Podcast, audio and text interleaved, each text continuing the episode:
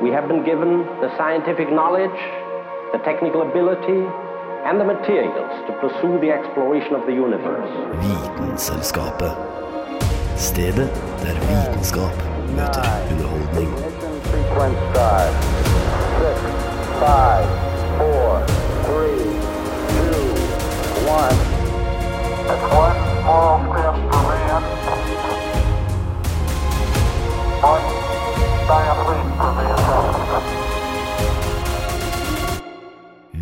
Vitenselskapet. På Radio Nova. Hei, gutter og jenter, og velkommen til denne skumleste av sendinger. I dag i Vitenselskapet så skal vi grove oss ned i alt det grusomme som beveger seg i vitenskapens verden. Vi skal høre om kjøttetende larver, om sjølveste inspirasjonen til Frankenstein, og hva som skjer når du putter framom blod i din egen kropp. Og med meg på denne skremmende ferden har jeg fått med meg Julianne Lifjell Oh, hallo. og Christopher Ramage. Hei, hei. Jeg heter Karl Hans Kvam, og du hører på Vitenselskapet.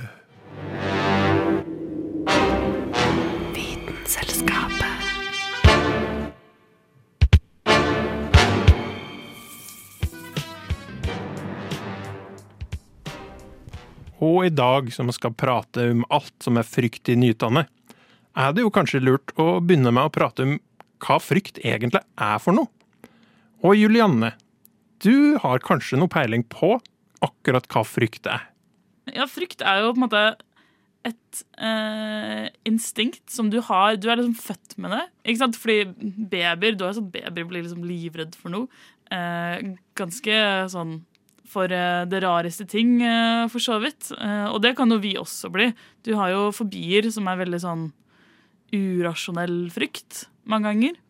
Men eh, poenget med instinktet er jo at det skal redde oss. Eller holde oss i live, for så vidt. Fordi når du, Hva skjer liksom når du blir redd? Hva føler du på da? Blir jo litt mer beredt, litt mer obs på omgivelsene. Ja, men jeg tenker på sånn, hva, hva føler du i kroppen din? Ok, Spesielt når nå, nå som det er rundt halloween. da. Vi snakker om eh, skrekkfilmer. Hvis det er en jump scare i en skrekkfilm, hvordan kjenner liksom kroppen din på det? Blir eh, anspent, da. Ja, ja det er jo faktisk eh, det er en av de tingene som skjer med kroppen, er at alle musklene dine eh, strammer seg. Til og med musklene, eller ja, musklene, liksom hårsekkene. Så det er derfor du ser på film og tegneserier at uh, håret liksom står opp. Er jo fordi at det på en måte gjør det. Um, fordi ja, disse hårsekkene bare spenner seg, og da går håret opp. Så du får jo kanskje litt gåsehud også. Og så får du jo hjertet ditt begynner å pumpe blod fortere. Fordi det da, igjen, eh, det forbereder deg på den fight or flight-responsen som man sikkert har hørt om før, når det gjelder eh, adrenalin og sånn. Og det er også derfor mange liker å dra på sånn eh, haunted houses og se på skrekkfilmer for den saks skyld, er jo på grunn av denne adrenalinfølelsen, at du får et lite sånn kick. Du blir, ja, du, du blir jo på en måte mer beredt, da. Det er jo poenget med det. Du skal kunne eh, komme deg bort fortere. Eh, som sagt, du puster fortere. Du får eh, bedre blodtilførsel også i musklene, som gjør at du blir varm. Og da eh, svetter du ganske mye for å kjøle deg ned igjen. Men dette betyr jo også at hvis du er mye redd, eh, hvis du har problemer med det, eller hvis du ja, er rundt noen stressende faktorer, for å si det sånn, så er det jo så klart veldig dårlig for helsa di. Eh, Det går jo på både at musklene kan bli veldig slitne og stive og liksom ledd og sånn, men også det vi snakka om med hjertet, at siden du får eh, Siden det pumper blod fortere, så kan du få hjerteproblemer av det. Det sliter eh, rett og slett på de delene av kroppen som blir aktivert. Ja. Men heldigvis så er jo kroppen veldig rask på å, eh, på roe seg igjen også. Så med en gang den skjønner at det er ute av faren, så, så slutter den jo alle disse mekanismene. Så for eksempel hvis du har hørt en ballong som sprekker i nærheten av deg, så spenner Du kjenner at hele kroppen din spenner seg til, men det skjer i bare et lite sekund, og så med en gang du innser at å ja, det var bare en ballong, så slapper du av igjen. Og så kan du jo le litt fordi du innser at det var ikke noe fare likevel. Det er jo derfor man syns det er gøy òg, fordi ikke, det var ikke en faktisk fare du var rundt. Eh, når du ser på ja, f.eks. skrekkfilmer eller ja.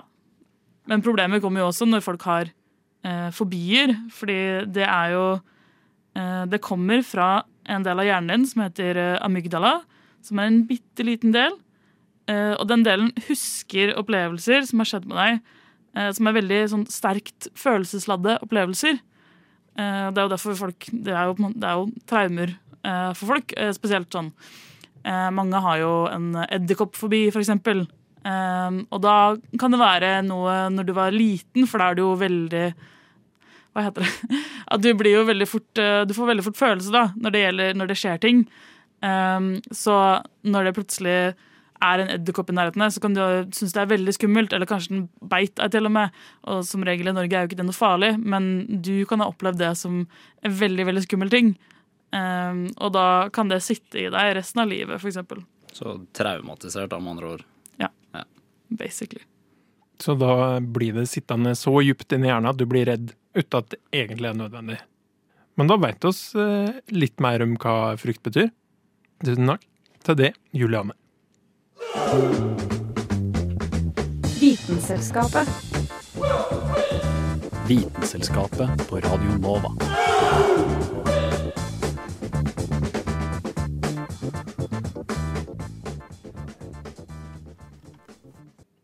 Blodet vårt har mange bestanddeler. Og så har bl.a. røde blodceller, som frakter oksygen og puster inn, og hvite blodceller, som forsvarer oss og angriper ukjente ting som kan ha kommet inn. Men hva skjer når det ukjente er en annen person sitt blod? 1500-tallet var tiden for oppdagelsesreiser. Europeerne reiste ut for å finne nye kontinenter. De kom og erobret store landområder. De kom med sykdom og krig. Men da spanjolene kom til Inkariket i Peru, var det noe de la merke til som befolkningen gjorde. Nemlig blodoverføringer mellom mennesker. Dette synes naturligvis spanjolene var veldig interessant og fascinerende. Det her hadde jo man aldri tenkt på før. Da spanjolene returnerte til Europa, prøvde de på det samme. Men da gikk det fryktelig galt. Noen av pasientene som mottok blod, fikk en voldsom reaksjon som fikk fatale konsekvenser. Etter et par forsøk med blodoverføring la de det på is. Det var rett og slett for risikabelt. Men samtidig var det noen som syntes at dette var veldig merkelig. Hvorfor fungerte dette bare noen ganger, mens andre ganger så døde folk? Hva er det som skjer? I dag så vet vi at vi mennesker har forskjellige blodtyper. Og dersom man blander noen blodtyper sammen, så kan det bli fatalt.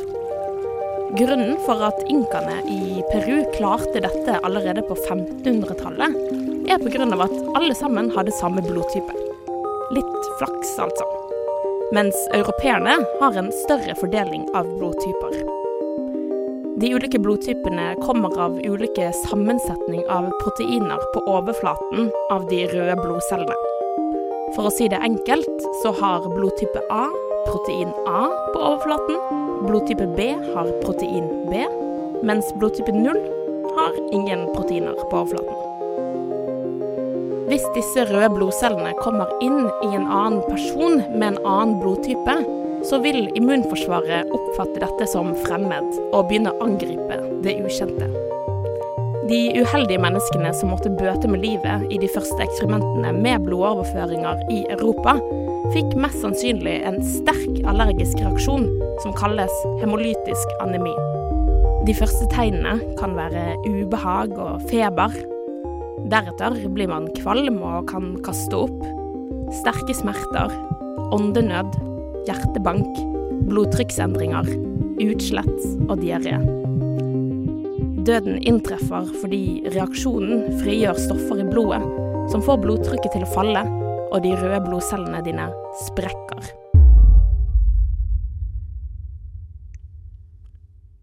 Nesten 400 år etter at spanjolene oppdaga Inkariket, oppdaga Carl Landsteiner at oss hadde forskjellige blodtyper, og i 1930 fikk han utdelt Nobelprisen i medisin for arbeidet. Oppdagelsen har gjort det mulig å drive med blodoverføringer uten døden som følge. Denne saken var laget av Anna Vik Rødseth.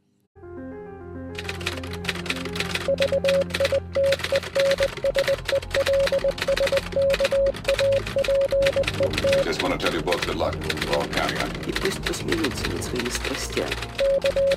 Ведь то, что они называют страстью, на самом деле не душевное. Это Vitenselskapet а лишь трение между душой и внешним миром. knekker vitenskapens koder. Good job. Nå skal vi over på et tema som jeg treffer veldig nært mitt eget hjerte. For eh, opp igjen oppveksten så har jeg alltid blitt kalt for Carl Kannibal. Og det er jo så en fryktelig ting å være en kannibal. For kannibalisme, er ikke det, er ikke det skummelt, eh, dere? Jo, men er det, eh, da vil jeg lure på, er det en grunn for at du ble kalt det? Ja, bokstavrim er den grunnen. Mm. Kannibalisme er jo noe som altså har hørt at det skjer. F.eks. På stillehavsøyer, eh, i Amazonas, på New Zealand, i gamle Egypt.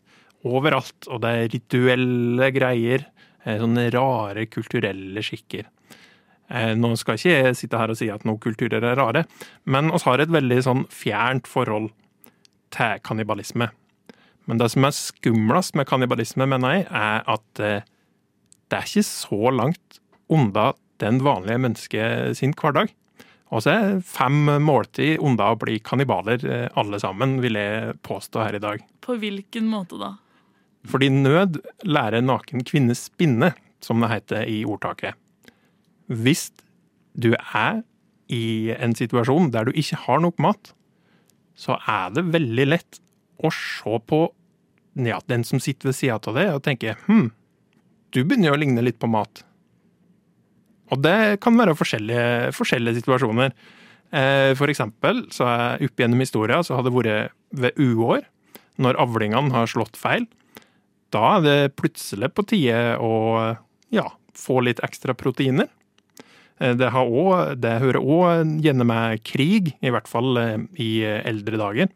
Når du allerede kanskje er, litt sånn Har et litt mer løsslippent forhold til spillereglene i samfunnet.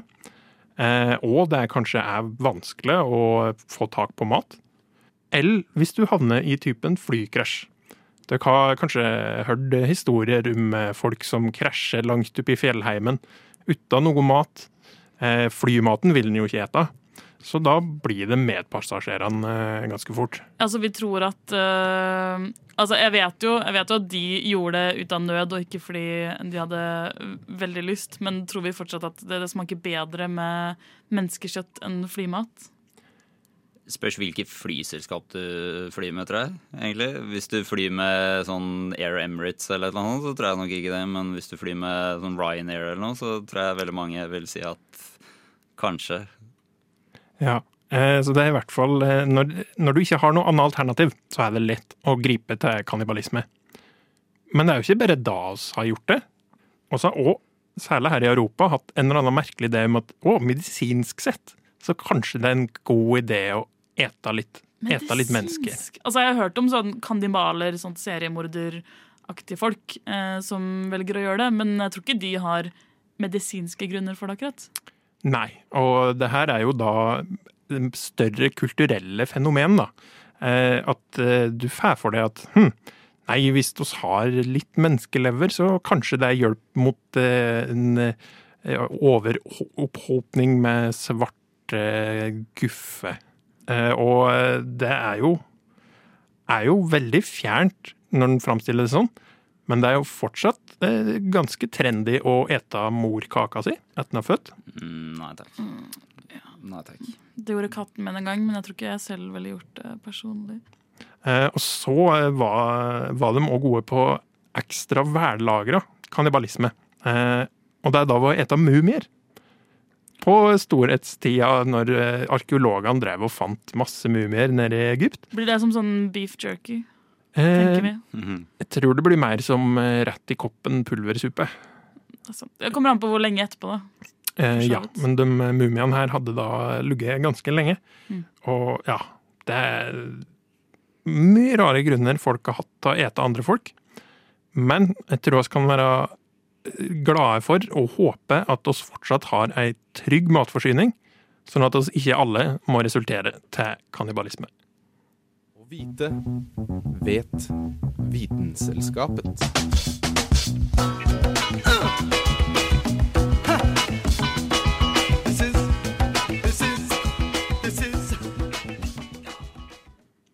Nå skal vi sjekke hvordan det står til med latinkunnskapene deres, skumle greier. For Kristoffer og Juliane, hva tror dere hominivorax betyr? Hominivorax. Forax uh, Aner ikke. Mm, jeg vet ikke, jeg høres ekkelt ut i hvert fall. Ja, det, der har du helt rett, fordi hominivorax betyr noe så illevarslende som menneskeeter.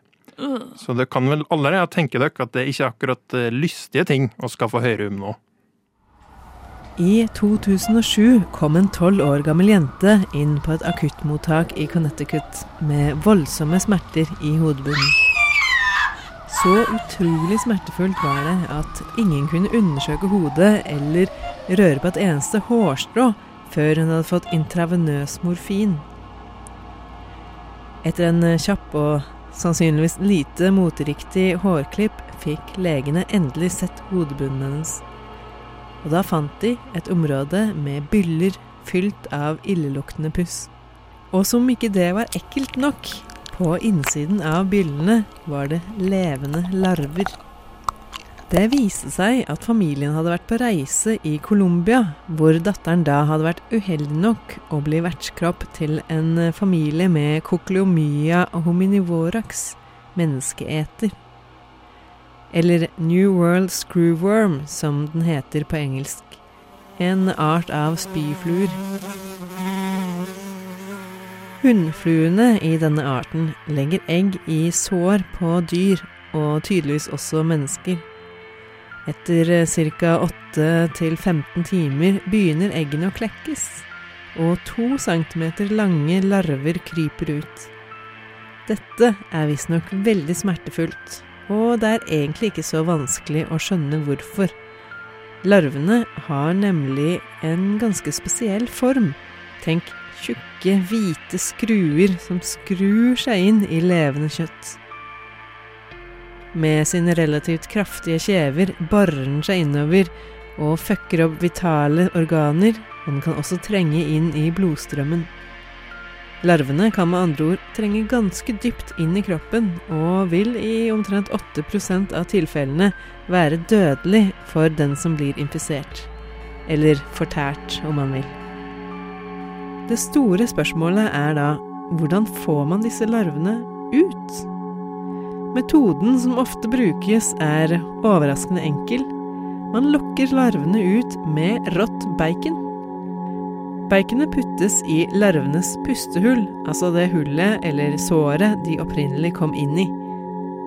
Siden bacon tydeligvis er mer fristende enn menneskekjøtt, betyr det at fluelarvene trekker mot utgangen, enten for å spise baconet eller for å unngå å kveles av mangelen på luft. Når det gjelder den tolv år gamle amerikanske jenta, overlevde hun, og kom unna med noen arr og en middels pen hårfrisyre.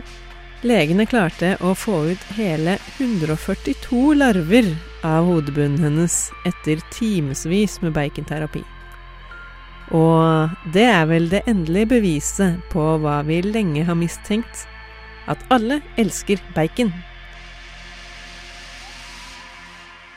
Og hun som laga denne saken, heter Kristin Grydland.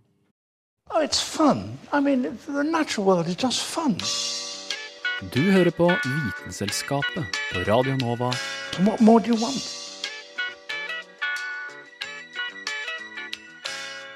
Og døk, hvis jeg sier mann på bord med masse strøm, hva tenker dere da?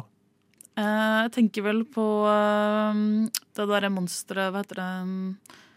Franken- Frankensteins monster. Det er alltid det folk får feil, at eh, de tenker at det er uh, Frankenstein som er monster, er det ikke det? Jo, jeg tror det. Nei, han heter vel Doktor Frankenstein. Ja. Doktor Viktor Frankenstein er veldig nære. For det er faktisk den her saken som man skal høre nå, som var inspirasjonen for Frankenstein.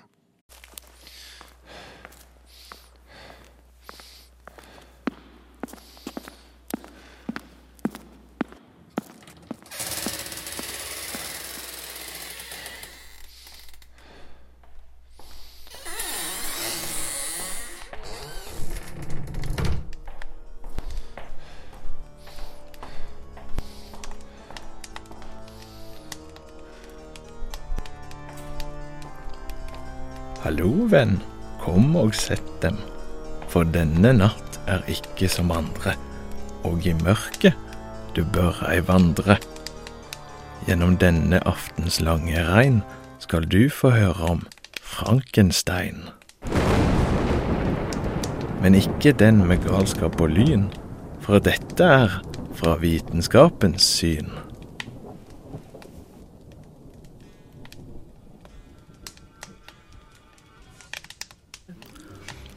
I 1688 begynte det vi i dag kjenner som opplysningstiden. Da begynte man i større grad å rette fokuset mot mennesket og dets evner. Og på 1780-tallet oppdaget den italienske lege og fysikeren Luigi Galvani at musklene på dyr trakk seg sammen da de ble tilført elektrisitet. I 1791 publiserte han en bok som beskrev at levende skapninger hadde en slags elektrisk væske som ga kroppen liv. Men senere var det nevøen hans, Giovanni Aldini, som tok eksperimentene til nye høyder. Aldini begynte å eksperimentere med avskårne hoder til dyr som sau og ku og klarte å få hodene til å åpne øynene og skape bevegelse i munnen som om de var i live. Dette førte da til tanken om at mennesker kanskje kunne gjenoppstå fra de døde ved bruk av elektrisitet, og det var dette Aldini satte som sitt mål.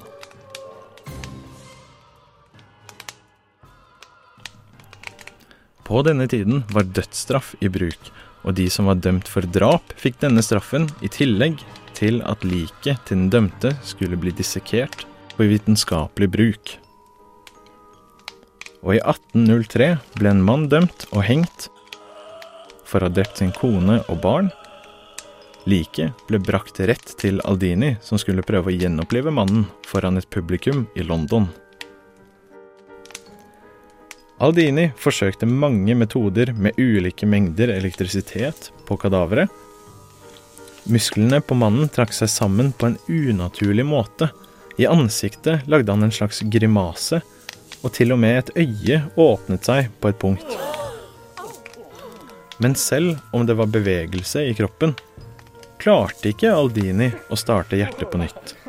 Så dermed hadde eksperimentet feilet, mens publikummet beskrev synet som sensasjonelt, og det ble lenge snakket om i ettertid.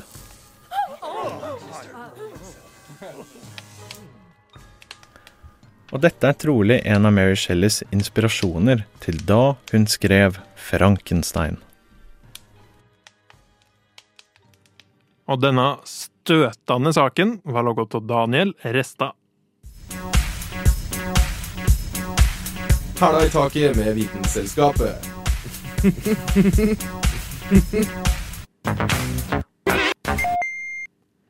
Og fra en fryktinngytende ting til en annen. Om du ikke er død ennå, så kan det jo fort bli det hvis du får riktig sykdom. Eh, og eh, det finnes jo mange stygge der, men eh, kanskje du har en favoritt, Kristoffer? Jeg vil ikke si at den sykdommen jeg skal snakke om nå, er favorittsykdommen min, i hvert fall. Men med tanke på at vi er inne i et litt sånn halloween-theme skrekkinngytende ting og tang, så, så, vil jeg si det at ebola er vel kanskje ganske på toppen av lista, i hvert fall høyt oppe. Eh, jeg føler hele verden freaka ut når korona kom, eh, men så har jo den vist seg å være ja, den er veldig smittsom, men den er ikke på langt nær like dødelig som, som ebola, eller like fæl. eh, Gir like fæle symptomer. Jeg har hatt korona selv. ikke hatt ebola, heldigvis. Men ja, men altså ebola er da en type blødnings... sånn blødningsfeber som kan eh, da forårsakes av fire forskjellige typer sånn RNA-virus. Eh, det har vært mye snakk om RNA og mRNA videre. Mm med, med korona. Men eh, så er det fire forskjellige typer virus, da. Og selve navnet ebola stammer fra en liten elv i Kongo, faktisk. Eh, Er det der den kom fra? Det er jeg litt usikker på. Jeg tror ikke det. Jeg tror de er litt sånn usikre på eksakt hvor Mm. det var det kom fra. Men det er et eller annet sted i sånn Sentral-Afrika, mest sannsynlig. Eh, og et av de første liksom, utbruddene var vel nede i Kongo, tror jeg. eh, hvis jeg ikke husker helt feil. Og så er det også en sånn eh, synose, Eh, så det er basically en sykdom som smitter fra dyr til mennesker. Og igjen så er det flaggermus, da. Litt som med, korona, som er eh, Halloween-dyret vårt. ja, som er den skyldige parten eh, her. Eh, så ja. Og så er Siden det du sa det var en blodsykdom, kan vi anta at det er vampyrer egentlig som står bak? kanskje, maybe, jeg vet ikke. Men det er Ja, for at, altså det, det, som, det som basically skjer, da, er det at uh, Fordi altså ebola smitter jo da mellom menneske til menneske også, selvfølgelig. Um, og da enten ved direkte eller indirekte kontakt med eh, kroppsvæske, som f.eks. blod. Eh, og det som gjerne skjer, det er det at eh, spesielt nede i Afrika så er det veldig mange kulturer som har et rituale da, hvorpå eh, hvis noen dør i familien din, så liksom alle reiser fra langt og fjernt og nært og hva enn. Og så tar man gjerne på kroppen for å liksom si farvel, da. Eh, og ved å ta på den personen, hvis den personen har dødd av ebola, så er de fortsatt smittsomme eh, en stund etterpå, selv etter at de har dødd. Eh, og da risikerer da mm, familiemedlemmene også å få ebola, så sprer det seg. Eh, så, men det krever kontakt med personen, fysisk kontakt på en eller annen måte, eller da fysisk kontakt med væsken da, fra, fra mm, kroppen deres. Det er jo en veldig spooky Jeg føler halloween-sykdom i seg selv, at du får det ved å ta på døde folk. Ja, eh, litt. Og så er det jo altså Dødeligheten er jo veldig varierende, eh, både fra type eh, ebolavirus, men også liksom har vært i For det har vært forskjellige typer utbrudd også. Og selv med det samme viruset så har det vært forskjellig dødelighet. Og det har nok sikkert med hva slags medisiner og, og medisinsk hjelp som har vært tilgjengelig for de, de som har blitt syke. Da. Men det ranger fra rundt 40 og opp til 90 Så Men hva er, liksom, hva er symptomene? Hva er det som gjør at det er så dødelig? liksom?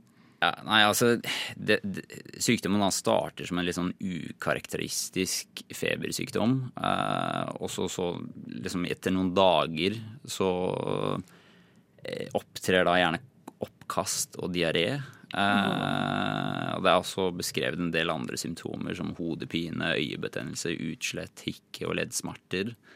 Eh, Men det ekleste og mest skrekkelige symptomet da, må vel være alle blødningene som kan oppstå. Eh, Det, de skjer For jeg ikke føler du har hørt om sånne folk som blør fra øynene og sånn, og det er, Mm, ja. det er rett fra en skrekkfilm. Ja, så det er basically Det får alle organene i kroppen din til å bare gå ja, Til å, Bananas. Sånn, ja. Ja, Blør du innvendig, liksom? Er det Ja, så du blør innvendig, og så til slutt så renner det blodet ut av kroppen din. Ut av ører, øyne, munn osv. osv. Uh, men heldigvis så smitter da ikke ebola så veldig lett, da, sånn som f.eks.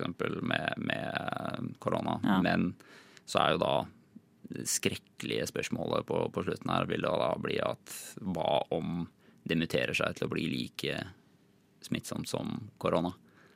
Da da, da, da, da graver jeg meg ned eh, i en bunker og blir der, tror jeg. Ja, og på det skumle spørsmålet så sier jeg takk til det, Kristoffer.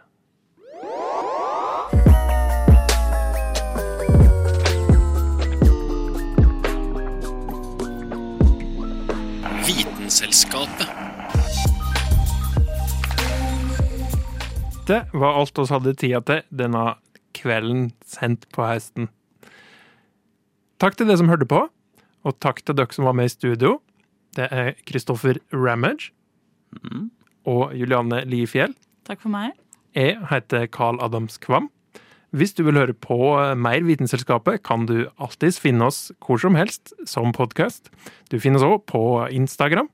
Vi høres neste gang. What? Radio nå.